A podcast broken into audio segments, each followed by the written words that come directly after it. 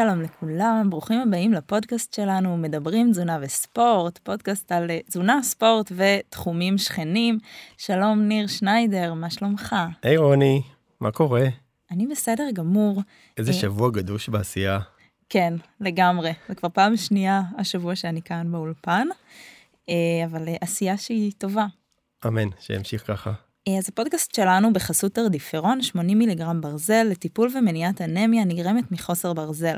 טרדיפרון, הברזל הנמכר ביותר באירופה במדינות בהן הוא משווק, זמין בכל הקופות ובבתי המרקחת ומכיל פרוסולפט. יש לעיין בעלון הצרכן לפני השימוש. אז אה, תודה רבה לחסות שלנו. לגמרי, והיום יש חידוש לפרק הזה ספציפית. Uh, כן, לפרק הזה יש אה, חסות ספציפית, אני מיד אציג אותה. Uh, רק לפני זה אני אציג את הנושא של הפרק. Uh, אז בפעם הקודמת דיברנו על נושא, על uh, תזונת ילדים, והיום אנחנו הולכים לעשות fast forward לחלק השלישי של החיים, וגם לבקשת המאזינים שלנו בקבוצת הוואטסאפ, הפרק הזה יהיה על הגיל השלישי, תזונת הגיל השלישי, ולפרק הספציפי הזה יש לנו חסות אחרת, הפרק בחסות אבוט יצרנית אנשור פלוס אדוונס. נכון, באמת תודה שככה נרתמו ו- ובאמת זרמו איתנו בצורה מדהימה ותכף נציג את האורחת וזה באמת לא ברור מאליו וזה כיף שנותנים לנו באמת גב ואני חושב שבהמשך נדבר גם על המוצר שלהם קצת אבל אה, בוא נדבר קצת על, על האורחת. כן, אז אני מאוד מתרגשת להציג את האורחת שלנו היום, לימור בן חיים, דיאטנית קלינית במרכז הרפואי תל אביב, איכילוב, תודה שהגעת אלינו לימור. בשמחה. אני רק אה, אגיד ככה ברמה האישית שלימור היא דיאטנית מאוד מאוד אה, בכירה שיש לנו בסקטור וכולנו לומדים ממך המון אה, בהרצאות, בכנסים, בתואר ו- ואיפה לא. בדיוק, אני לא יודע אם בקהל הרחב כולם מכירים את השם, אבל בקהל הדיאטניות כולם יודעים מי זאת לימור, והיא חינכה ומחנכת דורות של דיאטניות, ובאמת העשייה שלה היא אינסופית לדעתי, ואני גם יודע שהיית יועצת לחברות לתעשייה וגם בזכותה התעשייה יותר בריאה ואני יודע מאחורי הקלעים כי יש לי חברים שעובדים שם ואני יודע כמה היא גם תורמת באמת לכולנו שהתעשייה את המזון שלפעמים אוהבים להשמיץ ועדיין אפשר בעזרת לימור ועוד לעשות את יותר בריאה אז תודה שאת פה. זה נשמע כמו חסות עליי. את מהממת ועוד לא התחלנו. תודה. אז בואו נתחיל קצת לדבר על הגיל השלישי אולי באמת כן. ככה נמקד את זה ובכלל על איזה גילאים מדובר ואני אגיד עוד לפני שאני חושב שכולם יהיו שם אני מאחל לכולם להיות שם באמת שאני מאחל לכולם להיות שם אני חושב שזה סו, פרק סופר חשוב נכון שאני אומר את זה תמיד אבל אנחנו מנסים לבחור את הפרקים שלנו בקפידה כולם וזה... רוצים להגיע לשם אבל נורא מפחדים נכון נ- זה... נכון ואני חושב שאם כולנו בדרך לשם ואנחנו מכירים אנשים שהם שם ואני חושב שזה באמת חשוב שנדבר על זה כי יש הרבה מה לעשות אז על איזה גילאים מדובר. אז קודם כל נשמע שהגיל השלישי זה גם הגיל האחרון ואולי פעם זה היה ככה. אה, ובאמת הגדירו פעם הגיל השלישי מעל גיל 65. זאת אומרת, אדם בעצם שסיים את, אה, את אה, עבודתו ויצא לפנסיה, מבחינתם היה בגיל השלישי. ונכון להיום, לגיל הזה או למספר הזה אין שום משמעות. אנחנו מבינים ש-65 זה, מה זה, זה אנשים צעירים, ואז ניסו לשנות את זה לגיל 70. אמרו, אוקיי, אחרי חמש שנים הוא נכנס לגיל הזה. והיום אנחנו יודעים שזה טווח ענק של גילאים, שהוא יכול לקרות בגיל 65, הוא יכול לקרות בגיל 70, ואולי אפילו לדבר על הגיל הרביעי, כי היום אנחנו כבר מדברים על ה-80 פלוס ועל ה-90 פלוס. ולכן הייתי אומרת שהגיל השלישי זה גיל שבו, אה, לא כרונולוגית, לא מספר, אנחנו מתחילים לראות איזשהו תהליך של הזדקנות או שינויים שהם שינויים תקינים שמשפיעים על תפקוד, קוגניציה וכדומה. ויכול להיות שזה אדם מסוים בגיל 65, בעיקר אם הוא נניח יותר אה, חולה, אה, או עם מחלות כרוניות, אבל זה גם יכול להיות בן אדם שהוא מתחיל את הגיל השלישי בגיל 80, כי עד עכשיו הוא עבד ו... ועשה הכל הכל. ולכן אני חושבת שאנחנו נקרא לזה, איך אני אגיד, התקופה השלישית שלנו, ולא הגיל השלישי שלנו. אני חושב שגם הצפי שאנשים ילכו והיא תהיה באמת אריכות חיים ואנשים יעברו את גיל 70 80 90 ולדעתי אפילו צפונה על זה מדברים ואני חושב שזה מתחיל הרבה קודם, אני תכף אנחנו נדבר על זה כל הפרק, אבל אני מרגיש שההזדקנות וההתבגרות אתה מתחילה... מרגיש על עצמך, ניר? זה הפרק מצולם, מדהים שם. אותי, זה מטריד אותי. טוב, זה שיח אחר. אבל פשוט כן, לא מרגיש בן 20, אבל יש הבדל. זה בסדר, זה בסדר. דיברנו על התה הפולני, תכף נחשוף אותו גם. אה, אז האמת שהפרק הזה נולד בעקבות אה, הרצאה מרתקת שהיינו אה, בכנס השנתי של תזונת ספורט, והצגת תהליך ההזדקנות כסוג של אולימפיאדת ה aging, מאוד אהבתי את ההקבלה הזאת, אז מהו תהליך ה aging? מה, מה בדיוק קורה שם?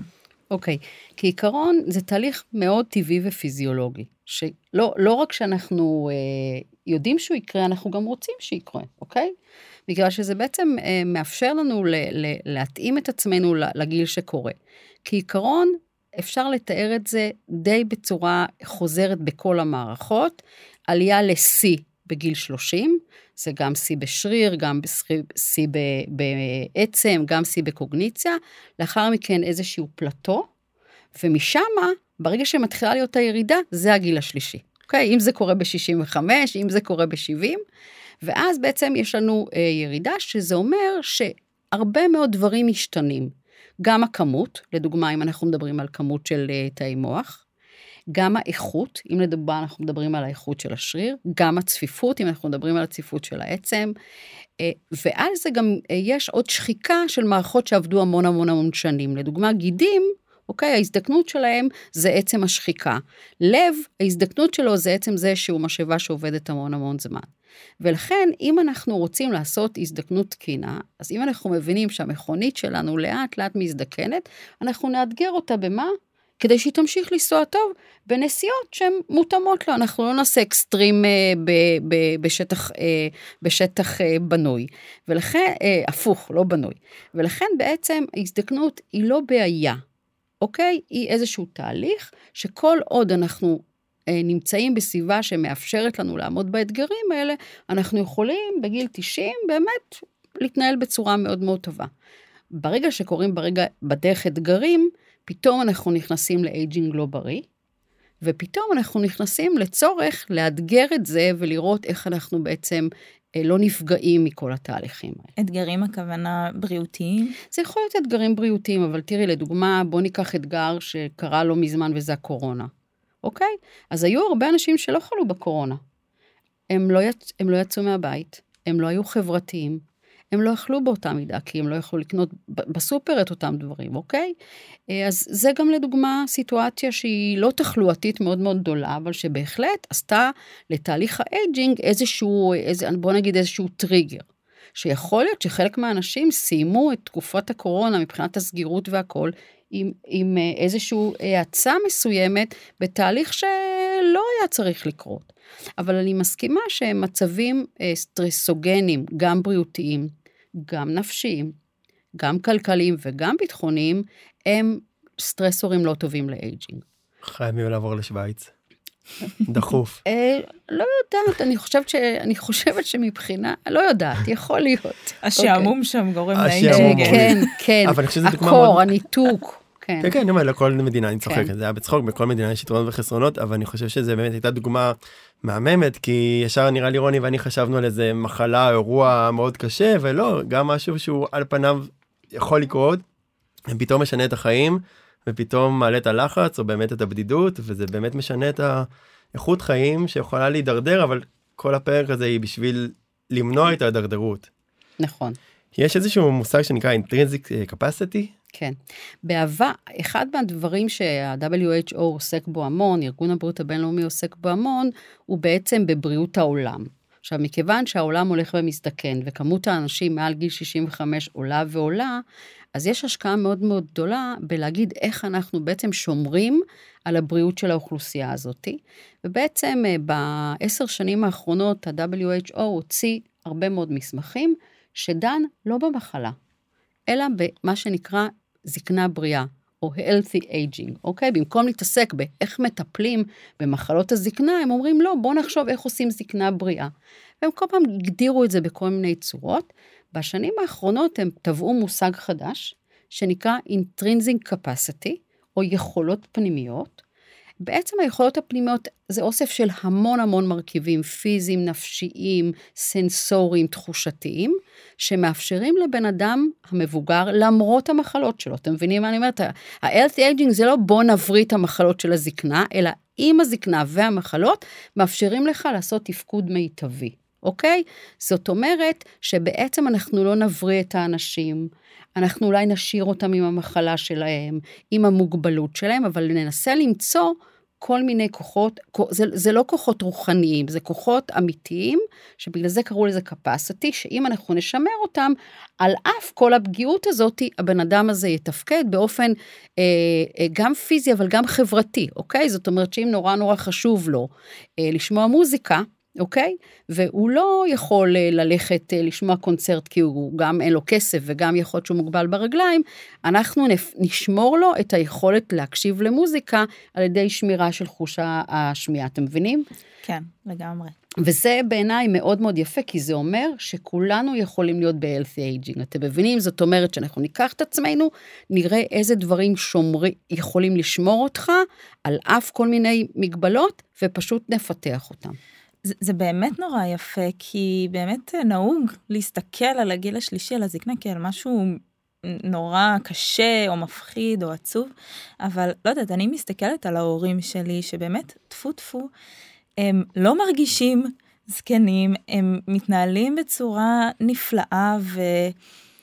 ואני אומרת, הלוואי שבאמת נוכל אה, למצוא איזושהי, איזה שהם דרכים כדי לעזור ליותר אנשים להגיע למצב של... אחת הדרכים זה מה אתה שואל את הבן אדם, הרי כשבא לך מבוגר, איש מבוגר, אז אתה שואל אותו איזה מחלות יש לך, יש לך יותר לחץ דם, יש לך סכרת, זה לא שאלה נכונה ב-LT aging.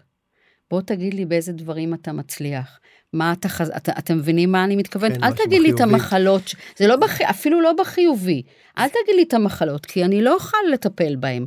בוא, בוא נחשוב על כן. הדברים כן. האחרים. זה ממש חשיבה מחוץ לקופסה. ממש. יש פה משהו כאילו לראות מה אפשר לעשות. אני קורא ספר uh, מאוד נחמד שנקרא כוחה של התמדה. ויש שם על הרבה אנשים שגם לא היו כאלה מוצלחים והתמידו, וגם כאלה שהיו מוגבלים מאוד. ועם הכוח רצון והתמדה בדברים אחרים הם פשוט הצליחו מעל ומעבר שהרפואה לא נתנה להם סיכוי. זה דבר אחד ועוד ספר מעניין שאני קורא אה, של אייל דורון שהוא מדבר על זה שכל הזמן יש לו שיחות עם אמא שלו הוא פעם ביום מדבר עם אמא שלו אבל כל השיחה היא אותו דבר. וכל השיחה נשמעת אותו דבר ואז הוא הבין שלאמא שלו יש יכולת אני חושב שהיא סופרת או כותבת או משהו כזה ואז הוא הבין שאם הוא התחיל לשאול אותה על מה שהיא מבינה באמת ויודעת אז השיחה תלך לכיוונים אחרים. שיש. הרבה מה ללמוד. יש המון מה ללמוד חוץ משאול מה העניינים, מה שלומך, איך היה ומה קנית בסופר. והוא מדבר על זה שפתאום אתה עם אותו בן אדם עושה שיח אחר לגמרי, זה פותח, זה מרחיב אופקים. הוא אמר, תשמע, כמה למדתי מאמא שלי שאותה שיחה כבר אני מנהל אותה 15 שנים. אז זה אוקיי. קצת לחשוב מחוץ לקופסה אני חושב, באמת לראות מה אפשר לעשות ולא להתרכז בה בחולי. נכון. בקופסה הם מכניסים דברים מאוד, אה, זאת אומרת, אפילו שזה נשמע מאוד אה, רוחני כזה, היכולות הפנימיים, הם מכניסים דברים מאוד מאוד מאוד פיזיולוגיים. הם מכניסים את התנועה, את שיווי המשקל, את הראייה, את הקוגניציה, זאת אומרת, יש תחומים שאומרים, אתה צריך בכל תחום לבדוק עם, ה, עם, ה, עם האיש, עם המטופל, עם האימא, מה יש לו, מה, מה, מה שמור שם, מה חזק שם, ואת זה בעצם לחזק. ואחד המרכיבים הנורא מעניינים, שבסופו של דבר, אם אתה מסתכל על כל הקופסה הזאת ועל כל הכישורים, השריר הופך להיות פתאום איבר מספר אחד כמעט. הייתם, חוש... הייתם חושבים שהמוח, אז נכון. לא. והמשקל וההשמנה שאנחנו מתעסקים ממנה המון המון המון שנים, פתאום בכלל לא מעניין.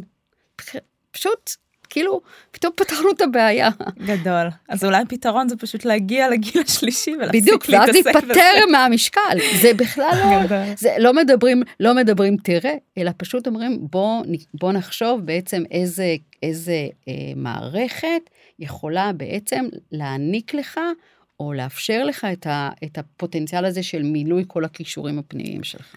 אז זה מעניין, כי זה פודקאסט על תזונה וספורט, והנושא של מסת השריר עולה הרבה, אבל יש איזושהי מין אה, מחשבה כזאת שמי שיותר ספורטאי, ויותר חזק ויותר צעיר, צריך לדאוג למסת השריר, אבל פה את אומרת דווקא בגיל השלישי זה נקודה שהיא קריטית. בגלל מה... זה קראתי לזה אולימפיאדה, כי מה זה, מה זה אולימפיאדה? זה אתה אדם שיש לו יכולות פיזיולוגיות, נניח דומות, והוא לוקח אותם מעבר, נכון? בגלל זה הוא עולה על הפלטפורמה ולא אני, mm-hmm. אוקיי?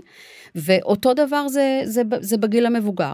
אלה היכולות שנקבעו לגיל שלך, ומה שאתה רוצה לעשות זה מה לעשות? זה לקחת אותם מעבר, לקח אותם, לשדרג אותם, אוקיי?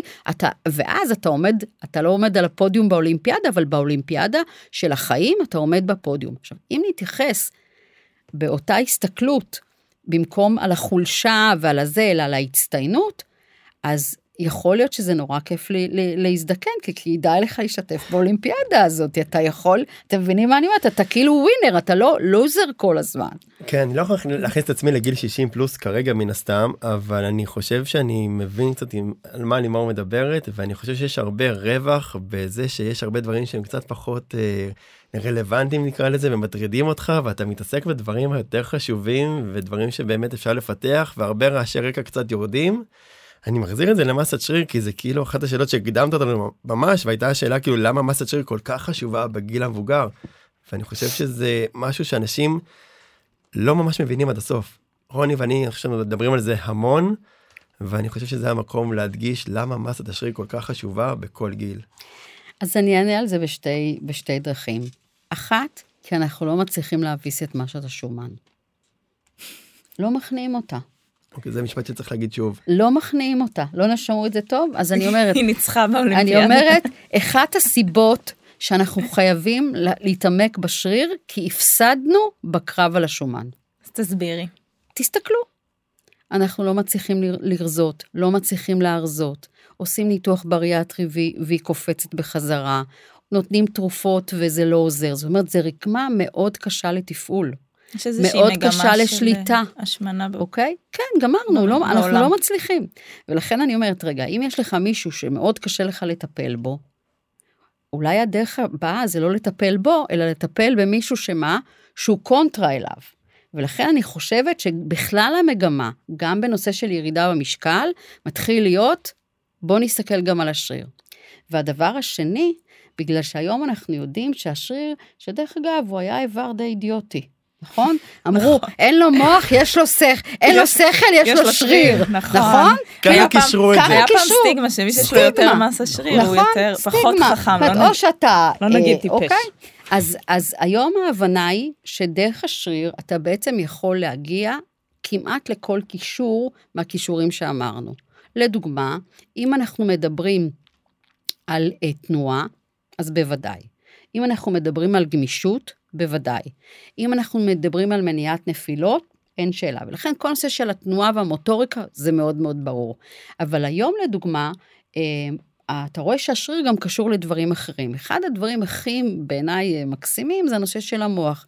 תמיד אמרו לך, נכון, תעשה פעילות גופנית, וזה שומר על המוח, וזה עושה מצב רוח וכדומה, והתעסקו באינדורפינים האלה ששתי דקות וחצי עולים, ואחרי זה מה? ואחרי זה כשהם נופלים, אז אתה גם עשית פעילות וגם אכלת אחרי זה, בסדר? וגם התעייפת. וגם התעייפת, אוקיי? עכשיו, אני לא מבטלת אותם, אבל היום אנחנו יודעים בעצם שכל הנושא הזה שדובר, שזה משפר קוגניציה ומצב רוח, הוא ממש, האנדורפינים שם הם ממש... אנחנו יודעים שהשריר, בניגוד נניח לרקמת השומן שמייצרת ציטוקינים, שתשמעו איזה שם, ציטוקינים רעים, רעים, רעים, רעים, השריר מייצר מיוקינים. למה מיו? מיו זה שריר, ובעצם הם היום רכיבים שמגיעים לכל מקום, ובעצם אחד מפז, מפזרים דלקת, ושניים הם מאפשרים בתשתית של התקשורת שהם יוצרים אפילו חידוש של תאים. עכשיו, כשהם מגיעים למוח, אנחנו ראינו שזה עושה דברים מדהימים מדהימים למוח. אה, זה מאפשר לו תקשורת יותר טובה, זה מוריד את הדלקת שפעם עשתה, שאנחנו היום חושבים שהיא חלק ממחלות נוירודגנרטיביות. בקיצור, כשאתה עושה פעילות גופנית, השריר, שהוא כאילו אהבל, מדבר עם המוח. והמוח מחזיר לו בתפקוד וחוזר חלילה. ולכן פתאום אתה, אתה רוצה להישאר איש חכם, אני תמיד הייתי באוניברסיטה, פרופסור, למדתי, אף פעם לא עשיתי פעילות גופנית. אתה רוצה לשמר את הקוגניציה הזאתי? אתה צריך לעשות פעילות גופנית. אני תמיד הייתי איש של תנועה, אתה רוצה לעשות את זה? תשמר את השריר. ולכן פתאום באמת אנחנו, עכשיו אני, אני בן אדם לא של שריר, אני בן אדם של מחלות, ואת האמת, שנים, באמת, חשבתי שאני איש של שכל, עזבו את השריר. היום אני מבינה שזה אחד מהמשאבים הגדולים ביותר שלנו, זה משאב שעם הגיל הוא נפגע, ואותו אנחנו, אני חושבת שאנחנו יכולים אה, לשמור ולתקן, כמו שאמרתי, כשרקמות אחרות אני לא יודעת. אתם רואים שאת הלבלב בקושי אפשר, הכבד נהיה שומני, הלב לא עובד, השריר עוד, אם אנחנו נשמור אותו, ייתן לנו אה, תיקונים או עבודה לטווח יותר רחוק. מדהים, אין סוף יתרונות לפעילות גופנית ולמסת שריר, באמת אה, כל פרק זה, אנחנו תוקפים את זה מכיוון אחר, ותמיד המסקנה היא, מסת השריר, תשמרו אותה, תעבדו עליה בכל גיל, בכל מצב. כן, זאת אומרת, זה איזשהו חידוש מאוד מרענן וזה, אני מקווה שזה היה מאוד ברור, כאילו אני הבנתי בדיוק מה את אומרת, אני מקווה שכולם הבינו שבעצם השריר עוזר לתפקוד המוח. נכון. זה, זה מסר ש, שצריך להבין שכל פעם מאוד קשה, אני חושב לרוני ולי, בין היתר, תלוי מי מגיע, אבל לגרום לאנשים להיות פעילים, כי לא כולם פעילים ולא כולם אוהבים את הכוח, וחלק אוהבים את זה וחלק אוהבים את זה, אבל uh, כשכן רותמים אותם אז רואים תוצאות, ובאמת לא תמיד השומן יורד, אבל הגוף משתנה, והחיות משתנה ועוד הרבה דברים אחרים. אני מגיע משם, אז זה קצת יותר קל לי, כבר אנשים מכירים, אבל באמת הדבר הכי חשוב מבחינתי, היום בבוקר דיברתי עם עוד מטופל, עם סוכרת, ובאמת לא הכי בריא והוא לא כל כך מבוגר, וזה שהצלחנו להיות יותר פעילים, מבחינתי זה פרייסלס. זה מזכיר לי את אחד השיעורים הראשונים בקורס לתזונת ספורט, אני אצטט את אה, שחר נייס, הפיזיולוג של המאמץ, הוא הראה לנו מחקר שהשווה בין אנשים אה, בעודף משקל שעושים פעילות גופנית, ואנשים אה, רזים במשקל תקין שאינם עושים פעילות גופנית, והמסקנה הייתה, אני מצטטת אותו, עדיף להיות שמן מאומן מאשר רזה ובטלן. כאילו ממש ראו בכל המדדים שמי שעובד אה, על, על מסת השריר ועל הפעילות האירובית, הוא מראה מדדים יותר טובים והוא יותר בריא מאדם שאומנם אה, במשקל תקין אבל אה, לא פעיל גופנית. וגם פה חשוב לי לחדד את מה שאמרת, שזה לא... כלומר, יש איזשהו גיל שאנחנו מאבדים מסת שריר מלא לעשות כלום. כלומר, לא צריך לקרות, לא צריך איזשהו מצב של חולי, מספיק שאנחנו לא מתאמנים וכבר מסת השריר נפגעת. זה אפילו לא תלוי, לא תלוי גיל, זאת אומרת, מרגע ש... תקראים, יש מחקר מאוד מאוד ידוע, אה, הוא הוצג אה, באחד הכנסים אפילו בישראל, זה חוקר אה, הולנדי שהוא לוקח את ה... את ה נחקרים שלו, מגב... בריאים לחלוטין, מגבס אותם ושם אותם במיטה, אוקיי? ויש לו מחקר אחד של 30 יום אפילו, ואני לא, אני לא יודעת, אני לא יודעת, אבל אומרים שזה פשוט הסטודנטים שלו שאין להם ברירה, הוא גם עושה להם ביופסיית שריר, ובעצם, ובעצם, והוא אנשים בריאים, ספורטאים לגמרי, ובעצם הוא מגבס אותם לעשרה ימים, ל-20 יום ול-30 יום, ואחרי זה הוא בודק את מסת השריר שלהם. אה, ואתם לא מבינים איזה נזק זה, וואו. אוקיי? עכשיו, זה לא, לא תגיד, לקחתי אדם אה, בן 60, אז תחשבו מה זה, מה זה עושה לבן אדם שיותר, שיותר מבוגר, שהוא פשוט לא נע, בלי מחלה, אוקיי? סתם אומרים לו, תשב בבית ואל תזוז, או אל תצא וכדומה, ולכן הנזק הוא נורא גדול. ומה שמתארים בעצם, שהמרכיבים העיקריים שנפגעים בחוסר, בשרירים בחוסר תנועה, זה לא שרירי הלב ולא שרירי הידיים, זה שרירי הרגליים. ואז הכל מתחיל. אה, חוסר גמישות ונפילות, ו... ו- וזה בעצם מחולל את הזקנה הלא בריאה בכל הסיפור. לכל אותם אלו שמזלזלים באימוני הרגליים, אתה מכיר את אלה שעושים ממש. רק פלא גוף עליון, אז אה, גם הרגליים זה השריר, קבוצת השרירים הכי גדולה בגוף. כלומר, אה, גם אם אתם לא רוצים להגדיל את הרגליים מבחינה ויזואלית, יש לזה חשיבות, אני תמיד מתעקשת על זה. הם כנראה גם לא מגדילים את המוח באותה הזדמנות. אני חושב שזה... תעודדי אותם לעשות את זה. שהמוח אולי פחות אכפת להם באותו הרגע ספציפית, אבל... אה, בנות להתרכז. כן. אמ, אני חושב שצריך לדייק את זה, שזה מתחיל מגיל מאוד מוקדם. אנחנו כאילו זה נשמע שזה מתחיל מגיל 65, ממש לא. זאת אומרת, ממה שאני יודע זה סדר גודל של גיל 40, אולי לימור תדייק אותי יותר, אבל ממה שאני יודע מגיל 40 זה כאילו מתחיל לרדת, וככל שאנחנו מתקדמים עם הגיל, אז הקצב, אוקיי, אמור להיות כאילו יותר מהיר ב- בירידה, אבל זה לא קורה בגיל 60, זה קורה כבר משמעית. הרבה קודם. בגיל 60 זה כבר קורה. כן, כבר זה, בתוך, קורה, זה מתחיל בתוכו, לקרות כן. הרבה קודם, אז אנשים, בוא נלך להתאמן, שזה בעצם אחת השאלות, איזה אימונים אנחנו צריכים לעשות, גם בגיל השלישי, אבל גם בכלל.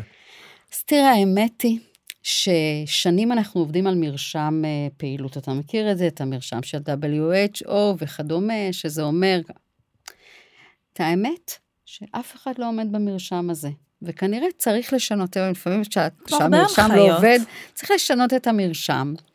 אמ, אני לא איש מומחית בתחומים האלה, מכיוון שאנחנו לא זקוקים כאן לדופק מסוים, ולא זקוקים כאן לקרדיו, אלא אנחנו פשוט זקוקים לגירוי ותנועה, של כוח. כן? התנגדות. לא, התנגדות. אבל, אבל אפילו לא התנגדות, אפילו, עלי- אתם מבינים מה אני כן. אומרת? זאת אומרת, מה זה מרשם מהליכה? אתה צריך ללכת איקס זמן, באיקס קצב, בדופק כזה וכזה. אז אני אומרת, בשביל לתמ- לתמוך במסת שריר, אני לא צריכה את המרשם, רק תלך. יותר טוב, תעשה התנגדות. אתה פוחד ליפול, תשב בכיסא ותעשה. זאת אומרת, אני חושבת שמרגע שאתה מדבר לא על משהו הישגי ומרשמי, אתה יכול להגיד לכל אחד שהוא יכול לעשות את זה. פשוט תנוע. כן? תרים, תנוע, תזוז. תזיז, תדחוף, אוקיי? אבל תאתגר את עצמך, אולי רצוי גם ב... ב- בפעם הבאה שאני רוצה לעזור לאימא שלי עם השקיות, אולי... אולי אני אפסיק. אני אעזור. והאתגור לדעתי הוא לא הכמותי, אלא דווקא השיטתי. אני חושבת שזה צריכה להיות פעילות יומיומית, אוקיי? אה, בגלל שמה שעם הגיל בעצם מה שעובד, זה בעצם הגירוי. עצם זה שאתה עושה, ולא משנה אם הוא ל-10 דקות או ל-15, אני לא מומחית גדולה, אבל אני חושבת שכשאני רוצה לתרגם את זה לאנשים, ואני רוצה שהם יעשו, שלא יהיה לי רק אה, הולכי אה, שישי שבת, אתם מכירים אותם? צע- צועדי שישי שבת. גם אלא- אצל. החבר'ה הצעירים יש כאלה שמתאמנים ומשחקים רק בשבת, או רוכבים רק איתה. בשבת, יש לא, המון אני- פציעות של סופש, חד מה שנקרא. משמעית. אה, ולכן אני אומרת שאם נבטל, במחשבה שלי, אם נבטל את המרשמיות הזאת, את, ה, את הכמה. את הכמה, ו, ו, ו, וגם אפילו, נניח עכשיו אומרים, ב, ב, עכשיו אומרים, אז רק התנגדות, רק, לא, עזבו רק התנגדות ורק כוח, אוקיי? תלכו, גם טוב, עוד אוקיי? מחקר שאני ככה כן. נזכרת, נורא נורא ישן, משנות ה-60 לדעתי, שעשו, השוו בין אה, נהגי אוטובוס לכרטיסנים, פעם כן. היה מקצוע כן. כזה. אה, והראו, לא, לא בארץ, אבל הראו שהכרטיסנים חלו פחות במחלות לב וכל מיני מחלות של גיל, מאשר הנהגים, שהנהגים יושבים באופן סטטי כל היום, והכרטיסנים היו קמים, יוצ... כל תחנה יוצאים מהאוטובוס, מנגבים וחוזרים, כלומר הם היו הרבה יותר פעילים בסופו של יום, אז אה, מטורף. כן. אני אספר לכם אנקדוטה, אבל אולי זה לא, זה רק בינינו, שלא, תחתכו. תחתכו. שאחת התובנות של פעילות, ש, שפעילות שהיא נורא חשובה, שעלתה לי על גבי עצמי, הפכה אותי להיות בן אדם יותר טוב. אוקיי, אני אסביר לכם.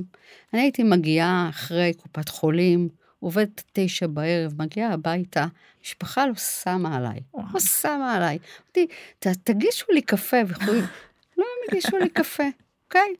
ואז במקום להתמסכן אמרתי, טוב, יאללה, לימור, אפשר כל פעם לבוא מהמרפאה ולהגיד איך לא נחמדים אליי ולא דואגים לי וזה, תלכי תעשי קפה, אוקיי? ואז הבנתי שכשאני עושה קפה, אני עושה קפה לעצמי ואני זזה מפה ומה זה שם, ואז הבנתי שכשאני מזיזה את עצמי, אני עושה דברים טובים לעצמי, וגם הופכת להיות בן אדם יותר טוב לסביבה, כי אני לא מקטרת. אז אם צריך להביא אה, דפים מהמדפסת, אני זה אני. מתנדבת. אם צריך, הילדים שלי מתים על זה. אם צריך להוריד כביסה, זה. אימא. עכשיו, תמיד את מקטרת על זה. הפסקתי לקטר והבנתי שזה הדרך שלי, שהם יהיו להתנועע. בטלנים ושאני לא אהיה? בטלנית. מה אני מרוויחה? יש- פה רווח. ב- נכנס לי פה מלא לא דברים. נגלה להם שהם יחשבו שאת עושה את זה ממקום אה, פילנטרופי. ו- מאהבה. הם בטוחים, הם בטוחים, זה בדיוק, הרווחתי פעמיים, גם עשיתי וגם קיבלתי. איזה בן אדם טוב שהיא, אנחנו ממש באים לא. להתארח אצלך אחר כך.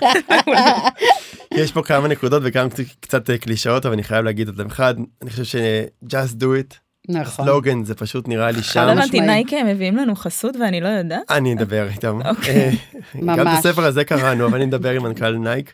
אחד זה just do it, שתיים זה use it or lose it. נכון. זאת אומרת אנחנו צריכים בסוף להשתמש או שזה באמת ילך לאיבוד. שתיים, eat it, ואיטית. let talk about eat it. אוקיי. יאללה, אז רוני.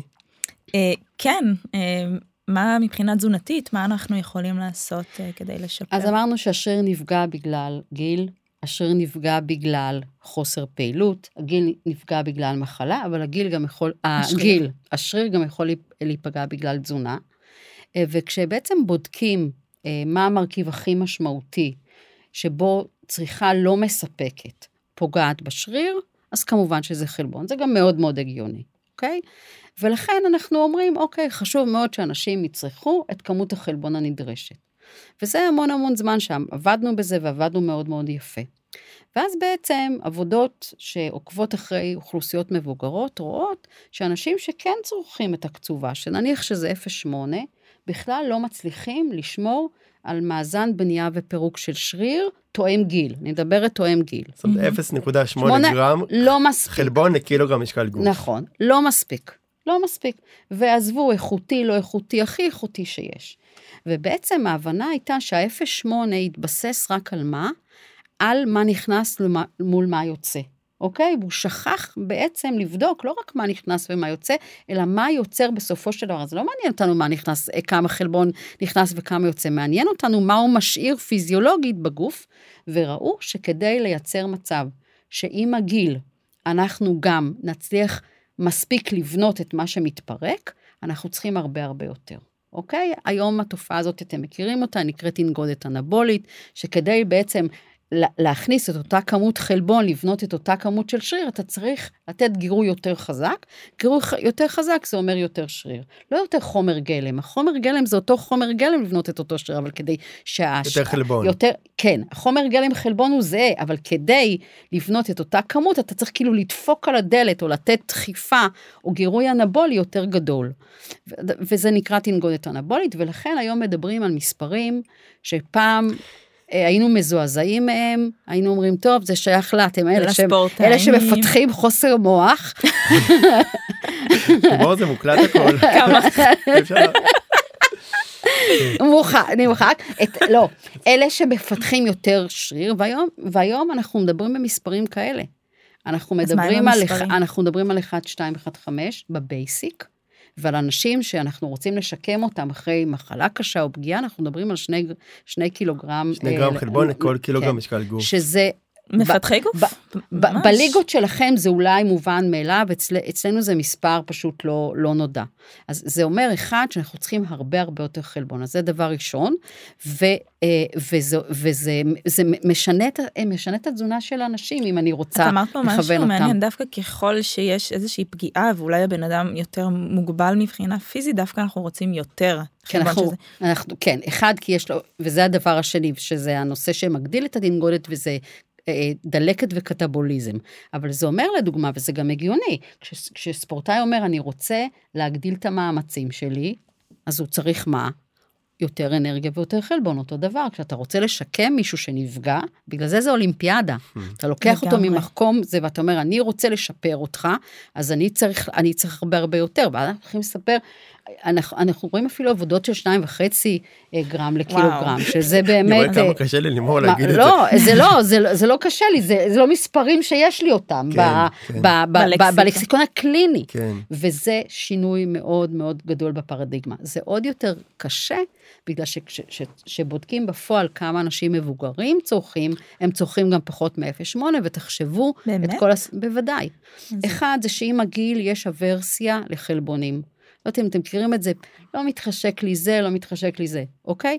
דבר נוסף, זה חלבונים יותר יקרים. תחשבו גם על העניין הכלכלי. זה חלבונים שצריך לסחוב, נכון? אתה צריך לקנות גבינה, אתה צריך לקנות בשר, אתה צריך לקנות דגים, זה לא אה, אורז ופסטה שיש בבית. ודבר נוסף, גם אה, כנראה שהעיכול עם, ה, עם, ה, עם, ה, עם השנים הרבה פחות טוב, ולכן היום רואים שאוכלוסיות בריאות של אנשים מבוגרים צורכות פחות מ-0.8. וואו, כן. זה... זה- חשבתי שבתזונה המערבית צריך להתאמץ כדי לצרוך אז, אז, פחות. אז זה כלומר. נכון, זה נכון, אבל עם הגיל יש ירידה.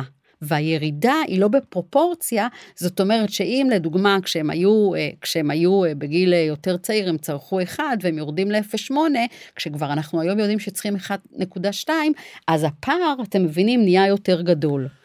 כן, האמת שאני חוזרת קצת אחורה, גם אה, אם מגיע אליי ספורטאי שהוא בפציעה שהוא כרגע מושפד, אז אני דווקא ממליצה לו על הטווח העליון, על, על יותר חלבון, אז זה מתחבר לי מאוד עם בגלל הקטבוליזם. זה, בגלל זה, כשהייתי מקשיבה לגישה ה- ה- של התזונה הספורטיבית והמאמנת והאקטיבית, היא פתאום בדיוק השפה שאני מדברת עכשיו. אוקיי? אתה כולם ספורטאי, מתחברים. אתה יש לך עכשיו מאמץ עצים שבו אתה צריך להגיע להישגים, ולכן ברור לי, ברור לי למה מה, למה אתה צריך לאכול באופן שונה, מוגבר, אה, מחושב, אה, ממה שעשית קודם. אומרת, אבל זה, הוא אומר לי, אבל זה לא התזונה שלי. אמרתי, נכון, אבל אתה צריך, לה, אתה רוצה, אתה רוצה להצליח באולימפיאדה, אתה רוצה להיות בספורט הזה, אתה רוצה לנצח, אנחנו צריכים לחשוב אחרת. אז יותר חלבון. זה, זה הרבה יותר, השורה התחתונה. הרבה יותר. אה, אולי קצת נפריך מיתוסים, האם זה עושה נזק, או אולי מי מוגבל. אז, יש אז, אנשים אז, שלא. אז, אז, אז זה- גם אה, נקודה שעלתה, אחד מהאוכלוסיות שאנחנו פוחדים עליהם זה אנשים שיש להם אה, אי ספיקה כלייתית כרונית, CKD. אה, גם על זה יש דיון היום נורא נורא גדול, אבל בהמלצות החדשות אומרים שאם יש פגיעה אקוטית, מהמם. לדוגמה אה, נפילה, שבר וכדומה, אפשר להגיע אפילו עם אנשים עם CKD, עם אנשים עם אי ספיקה כלייתית, אפילו עד 1.2-1.3, ולעקוב אחרי תפקודי הכליה. ובמיוחד באנשים שההידרדרות הכלייתית שלהם מאוד איטית, ההידרדרות, ההידרדרות התפקודית וה, וה, והשרית היא הרבה יותר גדולה מאשר עד שהם יגיעו לאי תפקוד כלייתי כן, מלא. קודם לשקם אותם. את מה, ש, מה פיזית, שאפשר. מה שאפשר. כן. אני רוצה רגע להדגיש שאני לא בטוחה אם זה היה מספיק ברור, כלומר הכליה תידרדר אה, יותר לאט, לאט, ממה שידרדר השריר, השריר, ולכן כשעושים נכון. עלות אל מול תועלת עדיף לשמר את השריר. שזה ה-intrinsic capacity, את מה אתה שומר, אוקיי? את מה שייתן לך לא ימנע מחלה, כן. אוקיי? את אתה תישאר עם ה-CKD שלך, אבל אם אתה לא תשקם את השריר, או תבנה את השריר, או תשמור עליו, אז אתה, יהיה לך גם CKD וגם תשב אה, בכיסא גלגלים. ואז אתה אומר, אני אשמר את התפקוד הזה, כי הוא בסופו של דבר משמר הרבה יותר תפקודים, אני לא יכול לטפל במחלה. בגיל 80 יהיה לך CKD, שזה גישה שהיא אה, גישת חיים, היא לא גישת חולי, היא גישת תפקוד, גישת איכות חיים. אז מה באמת אפשר להמליץ לאותם אנשים שפחות אה, צורכים את החלבון, יותר כבד או יותר יקר, או יותר קשה לעיכול? אני אגיד עוד נקודה אחת, שזה זה גם בא מעולם הספורט, וזה גם הנושא שקצת משנה גם את ההנחיות שלנו, זה איך לחלק את החלבון, אוקיי? זאת אומרת, אה, הרבה שנים היינו בגישות של מנות קטנות לעיתים קרובות, ושנחלק את זה, וגם אולי יותר קל לאכול את זה, אז אתם בטח מכירים שאנחנו היום מאמינים שכדי לחצות בעצם סף אנבולי, אנחנו צריכים לעשות בולוס של חלבון, ולכן, וזה זה חלק מהקושי, כי אם אפשר לאכול הרבה חלבון, אם אתה אוכל כף מפה וכף משם, אתה בסוף מגיע. אבל האתגר הוא כי אנחנו היום ממליצים לרכז את החלבונים בערך בשתיים, בש, בשלוש מנות מאוד מאוד מחולקות היטב, ואז זה נהיה קושי. כי לאכול כמות של חלבון של 20 או 30 גרם, לפעמים זה קשה. ואנחנו, אני חייבת להגיד שאנחנו נעזרים בכל הטכניקות של הספורטאים. פרו והגו. מה- וה- וכל מה שהולך, זה קורה, ו- וזה מאוד, ואני- ואנחנו מדהים. אנחנו אפילו אומרים, זה כמו ספורטאי, ואז פתאום זה טעים לו, אוקיי? כאילו, אומר, זה טעים? אמרתי, לא, זה כמו ספורטאי, אז כבר לא מעניין אם זה טעים, כי... זה מה שהספורטאים אוכלים, בדיוק, ואז הם בדיוק, מקבלים הרי ספורטאי לא מוטיבציה. שואל את עצמו אם זה טעים, הוא שואל את עצמו אם זה יעיל. אז, אז אמרת, אתה, רוצה לשאול אם זה טעים או יעיל, אז זה יעיל. אה, אז כמובן, אה, ולכן באמת כל מה שיכול אה, להשאיר את החלבון, חלבון? אבקות חלבון גם כן, אבל נכון להיום אנחנו מבינים שכנראה גם כמות החלבון וגם הפריסה של החלבון לא מספקת, ואז אנחנו מחפשים עוד עזרים, עזרים אנבוליים. אחד מהעזרים האנבוליים זה להוריד את הדלקת של השריר. כשיש דלקת בשריר, לא בדלקת, מצב דלקתי של הגוף בעצם, שזה aging, אוקיי? אחד מהם. אז אנחנו יודעים שהגירוי של אותה כמות חלבון, או של אותו אינסולין שנותן גירוי, נהיה מאוד מאוד מאוד דל. ולכן אחת הגישות היא זה לנסות להוריד את הדלקת הכרונית הזאת של הגוף, כדי לאפשר בעצם לשריר לקלוט יותר טוב את כל הגירויים האנבוליים, כולל מפעילות גופנית. וזה אחד מהדברים שאנחנו מבינים שניתן לעשות בשילוב של ירקות עם חלבונים, שבספורט לא, זה לא חייב להיות. זאת אומרת, שאני נכון. נותן, אני נותן אה, חלבון עם ירקות, בלי פחמימות, כי אם אני נותן פחמימות אני מעלה את התנגודת ואני לא רוצה אותה, אז הארוחה הזאת היא הופכת להיות כלי אנבולי יותר אפקטיבי. גם נתתי חלבון, גם נתתי הרבה חלבון, גם נתתי עם זה ירקות, וכתוצאה מזה יש פחות דלקת בגירוי הזה האנבולי, ולכן כאילו כביכול זה יהיה ירקות חלבון, פחמימות באמצע, ירקות חלבון, פחמימות באמצע, מאוד ספורטיבי. לא ספורטיבי כי ספורטאים כן, אוכלים ככה, אלא בגישה, בגישה, פרוטוקול, בדיוק, כן. בפרוטוקול, בדיוק. אז, אז מה באמת ההמלצות של אה, פחמימות ושומנים? אנחנו מבינים שהחלבון הוא איזשהו שחקן מאוד אה, נכון, משמעותי. נכון, אז אנחנו לא מורידים אה, חלבונים ופחמימות, ואנחנו רק אולי מתזמנים אותם בצורה קצת, בעיקר באנשים לדוגמה עם סכרת, שבהם יש באמת אה, אה, קטבוליזם יותר גדול של השריר על רקע המצב האנבולי שלהם, אז אנחנו מתזמנים את זה אחרת, וזה נורא נורא מעניין, זה כבר באמת לספורטאים. לספורטאי צמרת, כן, כן, אבל זה הגישה. אני שנייה שנייה עוצר כן. אתכם, אני שנייה הולך אחורה. אני בקליניקה רואה המון, כאילו, המון אנשים, אבל מה שאני עושה בין היתר זה רואה צילומי אכילה. אני כבר שנים עובד עם צילומים, לא עם יומנים ועם הצילומים. ובצילומים אני דווקא רוני רואה כאילו אני עוד מכיר את השקפים שאנחנו מלמדים שיש עודף חלבון בעולם המערבי וכשאני יורד לרזולוציות כי אני רואה את התמונות אז מה אני לא רואה? אני לא רואה את הבינג'ים ואת מה שהם עושים את השטויות, אבל זה נגיד שלא מצולם, אבל מה שמצולם זה האוכל. ואני לא רואה עודף חלבון, אני רואה אנשים, כל האוכלוסייה. לא, עודף, לא, השאלה אם אתה רואה חסר, כי אנשים... אני רואה שאנשים לא מגיעים לכמות של ה-0.8 ושל ה-1. לא, אתה מגזים. אני אתה... אומר לך, אני אראה לך, גם אצל ספורטאים. אני בכל תשאול מגיעים לפחות ל-1, 2, 1 וחצי. אני רואה הרבה שלא מגיעים. וכאלה שלא מתאמנים ואני חושב שהדגש פה היה מאוד חשוב קפצנו כבר תכף לשומנים ופחמימות. עוד משפט אחד אני חושב שזה גם עושה לנו פה איזה ספוילר לאחד הפרקים הבאים הבאים שזה על השעונים הצירקדים ועל ה... דיברנו קצת אנחנו מכינים את הפרק אבל ה... עם החלבון והירקות בלי נכון. הפחמימות בערב אבל זה כבר לפרק אחר אבל זה הכל מתחבר ממש. מה לגמרי. שחשוב רוני זה שגם אם אנחנו לא נהיה מתמטיקאים של החישוב זה המודעות זה להגדיל את החלבון, אוקיי? כן. זאת אומרת, גם אם אני לא יודעת אם זה 0.8, וגם אם אני לא יודעת אם זה 0.9, אבל המנה, אפשר להגדיל אותה, אז זה, מישהו אמר לי, איך אני אעשה מתמטיקה? אמרתי, עזוב, הראש כן. הוא לנסות להגדיל. נכון. לפעמים קל להגדיל את זה כשאתה קצת מוגבל, בזה שאתה מוריד דבר אחד, אתה מפנה אותו. ולכן אחד כן. הדרכים להצליח לאכול יותר חלבון, בזה שאני אומרת, אוקיי, את הפחמימה, אני לא, אני לא מוותרת עליה, תיקח בארוחה, בארוחה אחרת. זו אסטרטגיה שהיא גם נכונה פיזיולוגית, גם מטבולית וגם אולי התנהגותית. דבר שגם מאפשר להם במידה מסוימת להיות יותר שבעים, אתם מבינים למה? כי זה מין שילוב ארוחות, כזה. כן. אבל במחקר עצמו, כשאנחנו רוצים להגיע לתוצאות, אוקיי? תוצאות זה לא רק לדבר תיאורטית שזה נורא יפה, לראות מה מצליח באמת באוכלוסיות של בריאים, זו אוכלוסייה שמאוד מעניין אותנו, אנשים מבוגרים בריאים, אוקיי? אנשים מבוגרים חולים, דיברנו על זה. אה, באמת לשמר את השריר, מה מצליח לעשות, אז בהחלט הגדלה של חלבון, אבל כנראה צריך עוד קצת עזרים. אה, והיום בעצם אה, זו תפיסה שבה אני לוקח חלבון ומוסיף לו כל מיני רכיבים שאנחנו יודעים ממה שאנחנו מכירים בפיזיולוגיה, שבעצם יוצרים בשריר גירוי מוגבר לייצר אה, חלבון. אז אחד מהם זה ויטמין D, אוקיי? שאנחנו יודעים שיש רצפטורים לויטמין D אה, בכל מיני מקומות, והוא מפעיל בעצם שגשוג של התא. עוד משהו שהרבה פעמים רואים, רואים חסר באוכלוסייה. נכון, אוקיי? השני זה החומצה שכולם מכירים אותה, לואיצין, אוקיי? שהיא בעצם, לואיצין הוא לא חום, היא, הוא לא, היא לא רק חומצת אמינות בונה, היא פחות מעניינת אותנו בתור בונה, כי אני יכולה לבנות את זה גם מחומצות אמינו אחרות, היא, היא החומצה האמינית שדופקת בדלת, אוקיי? שפותחת את, ה... את כל הסיפור, אבל צריך לצרוך המון לאוצין כדי להגיע לגירוי הזה, שלושה גרם או משהו כזה. אולי רגע נסביר שלאוצין היא חומצה אמינית, החלבון מורכב מחומצות אמיניות, ויש אחת שהיא בולטת במיוחד בכל ב- מה שקשור בתחום לה... של השריר, לבניית כן. השריר. העניין הוא שכשאתה צורך חלבונים, הרבה מאוד חלבונים מכילים אה, לאוצין, חלבוני הגבינה מכילים אולי את הכמות הכי גדולה, מהגבינה אולי הכי הרבה. העניין הוא שלאוצין יכול ללכת להסתובב בגוף בכל מיני מקומות, יכול ללכת אפילו לאנרגיה. ואז בעצם יש מחשבה איך לחסוך אותו.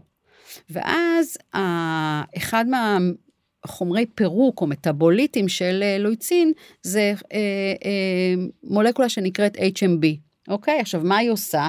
היא עושה את אותו דבר כמו לויצין, אבל היא חוסכת לויצין. למה? כי היא לא מסתובבת בסביבה, אף אחד לא צריך אותה, אז היא מגיעה יותר ישירות לשריר, ואז היא עושה את זה.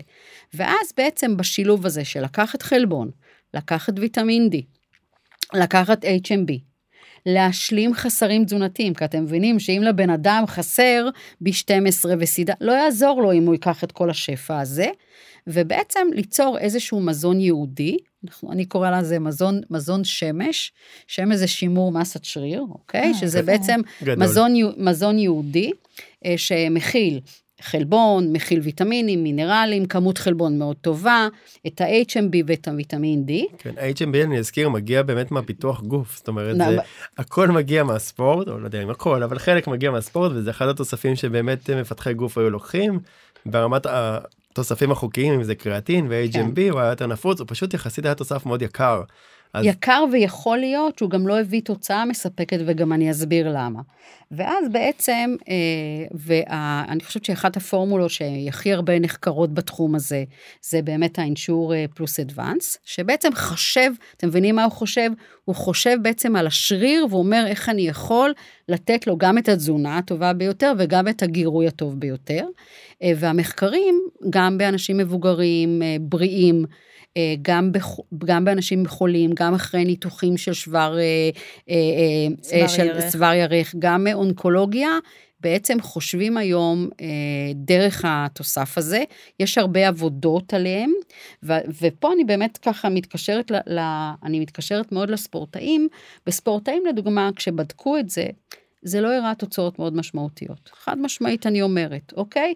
מכיוון שספורטאי, המדד שלו לתוסף הזה, זה הנפח, אם הוא עלה במסה. ובאמת, מה שראו שבאנשים מבוגרים, ה-Ensure פלוס אדוונס, ה-HMB שבו, לא כל כך העלה את, המ, את המסה, וזה גם הגיוני, זה אנשים חולים, זה אנשים קטבולים, זה אנשים בני 80, אבל הוא שיפר את הכוח של השריר. שספורטאי לא כל כך מתעניין בזה, כי הוא רוצה לראות מה את, ה, את, ה, את, ה, כן, את הנפח. אם זה בתחום של הפיתוח. נכון, כן. אפשר...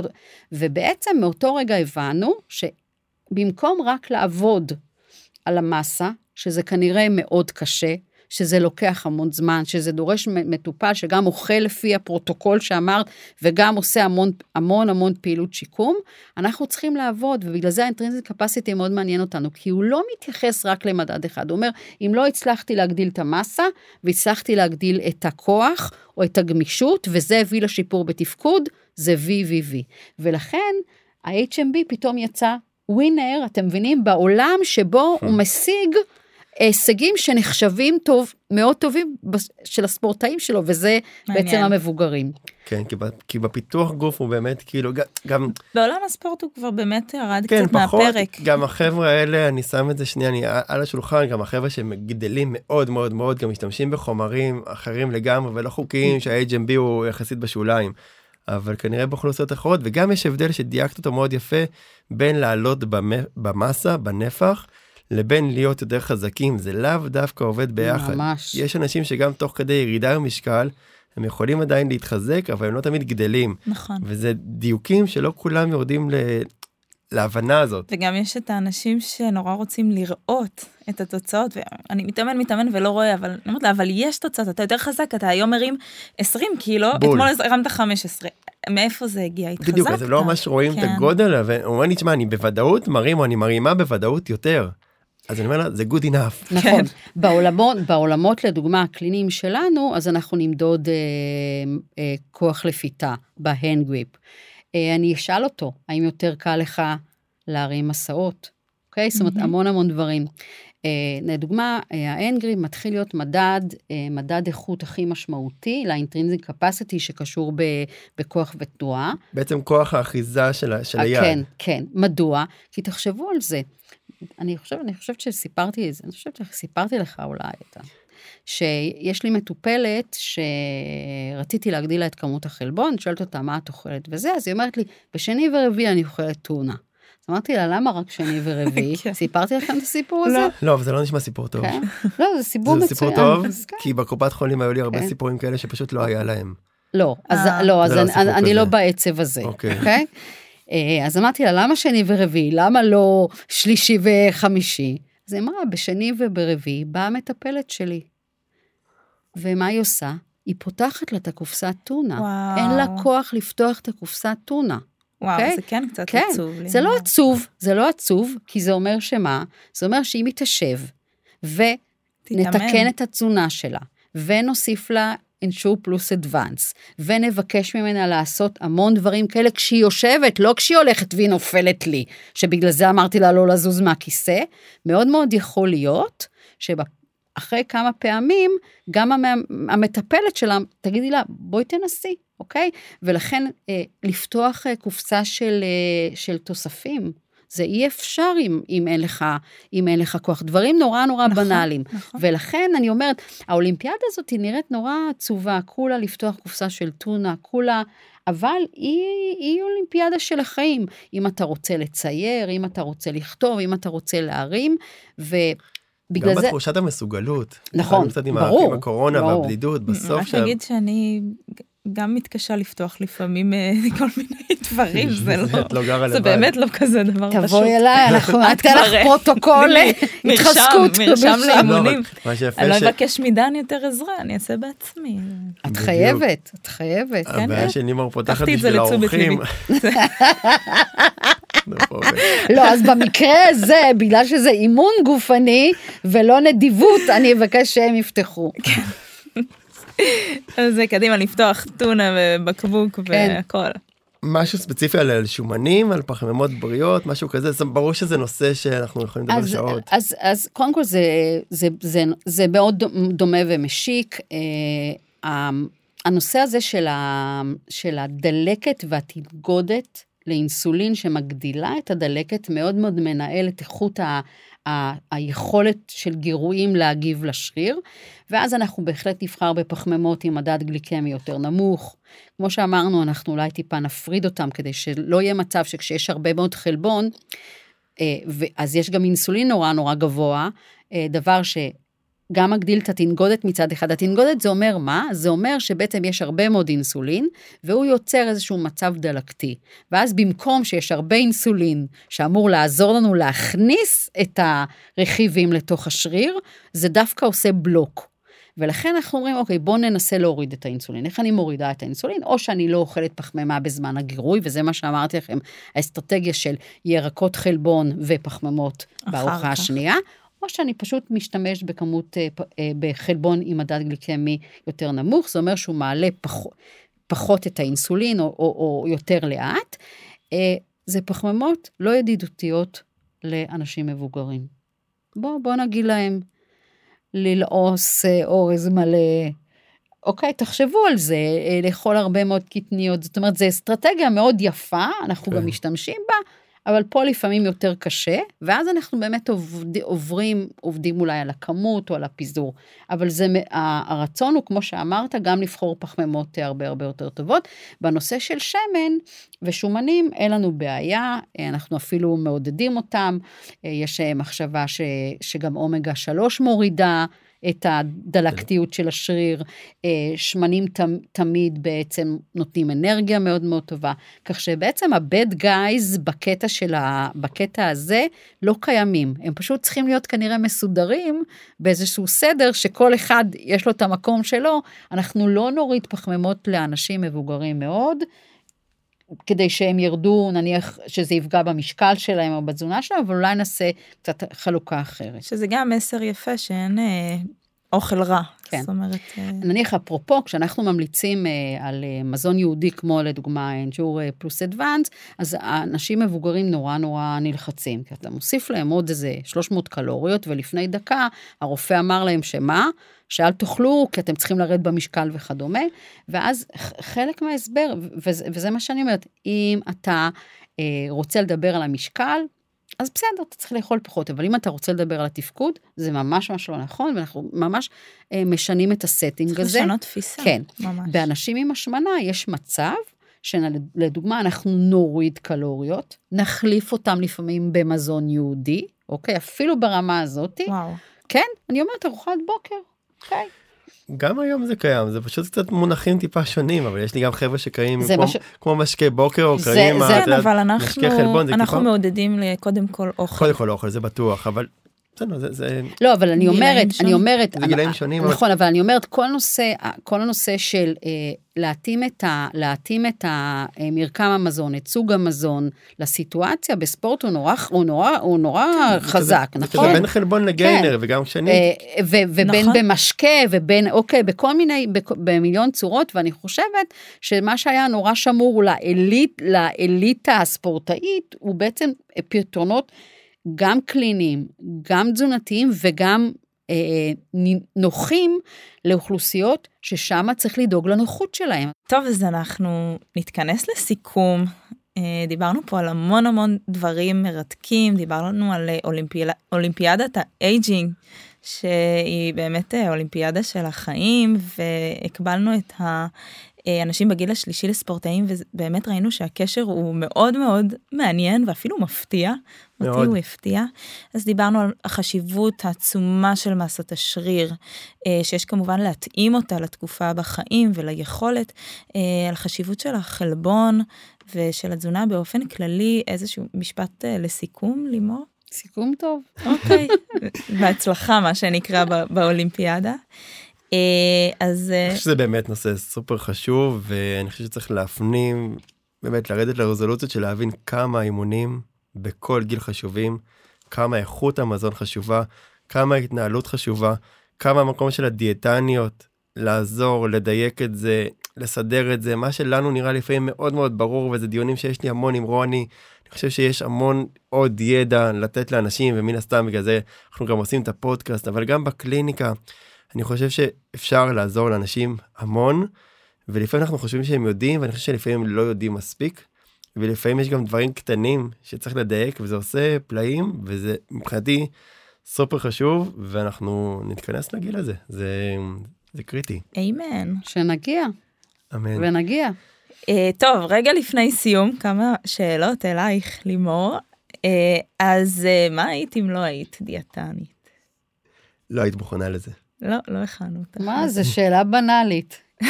באמת? מעליבה אותנו. הייתי דיאטנית בתואר שני. תשובה לא בנאלית לשאלה בנאלית. כן, אין שום מקצוע אחר שאת אה, ככה מעלה על דעתך. לא, קודם כל, תראי, אז הרי דיברנו על זה שאפשר לעשות מיליון קריירות, אני את הקריירה הבאה שלי אעשה בתור מורה. מורה. כי לימור. מרצה בחסד, וההרצאות שלה הן מרתקות, והיא מרצה ל... לא רק לדיאטנים ודיאטניות, אבל אחד הדברים שהיא עושה באמת בחסד זה הרצאות, אז נראה לי שזה מתחבר עם, ה... עם ההוראה. לגמרי. אה, מה המאכל האהוב עלייך? את האמת? חומוס. חומוס, את האמת, יפה. כן. לא. אוכלת אבל, לא אוכלת. אוהבת. רק לא אוהבת. זה שני. דברים שונים. כי אני שונאת לנגב את זה עם, אה, אה, בצל. אני צוחקת. אני מאוד אוהבת חומוס. אני גם מאוד אוהבת חומוס, אבל זה באמת רק אם יש לי זמן אחר כך אה, לישון. כן, כן. לנוח, להתאושש. חומוס כן, זה אוכל של- נוקאוט. זה אוכל של פועלים, ולצערי המקצוע שלי לא פועל מספיק. לא פועל מספיק. ואיזה ספורט עושה, אם את עושה. אני? כן. אני עושה עשרת אלפים. אני עושה עשרת אלפים צעדים, קופסאות טונה ועשרת אלפים צעדים בפרוזדורים של- מכינה קפה לכל המשפחה. של מעצמת איכילוב. אתם יודעים. איזה גודל זה? וואו, האמת שלא נדע. שלא נדע. והמדפסת שנמצאת קצת רחוק. אז זה בכלל כן. הספרינט. ממש ספרינט. אה, טוב, אז המון המון תודה שהגעת לכאן וחלקת איתנו מהידע העצום שלך. תודה רבה. בשמחה. המון תודה, ובאמת היה פרק מרתק. תודה שהקשבתם, אה, נשתמע בפרק הבא. תודה לכולם. יאללה ביי.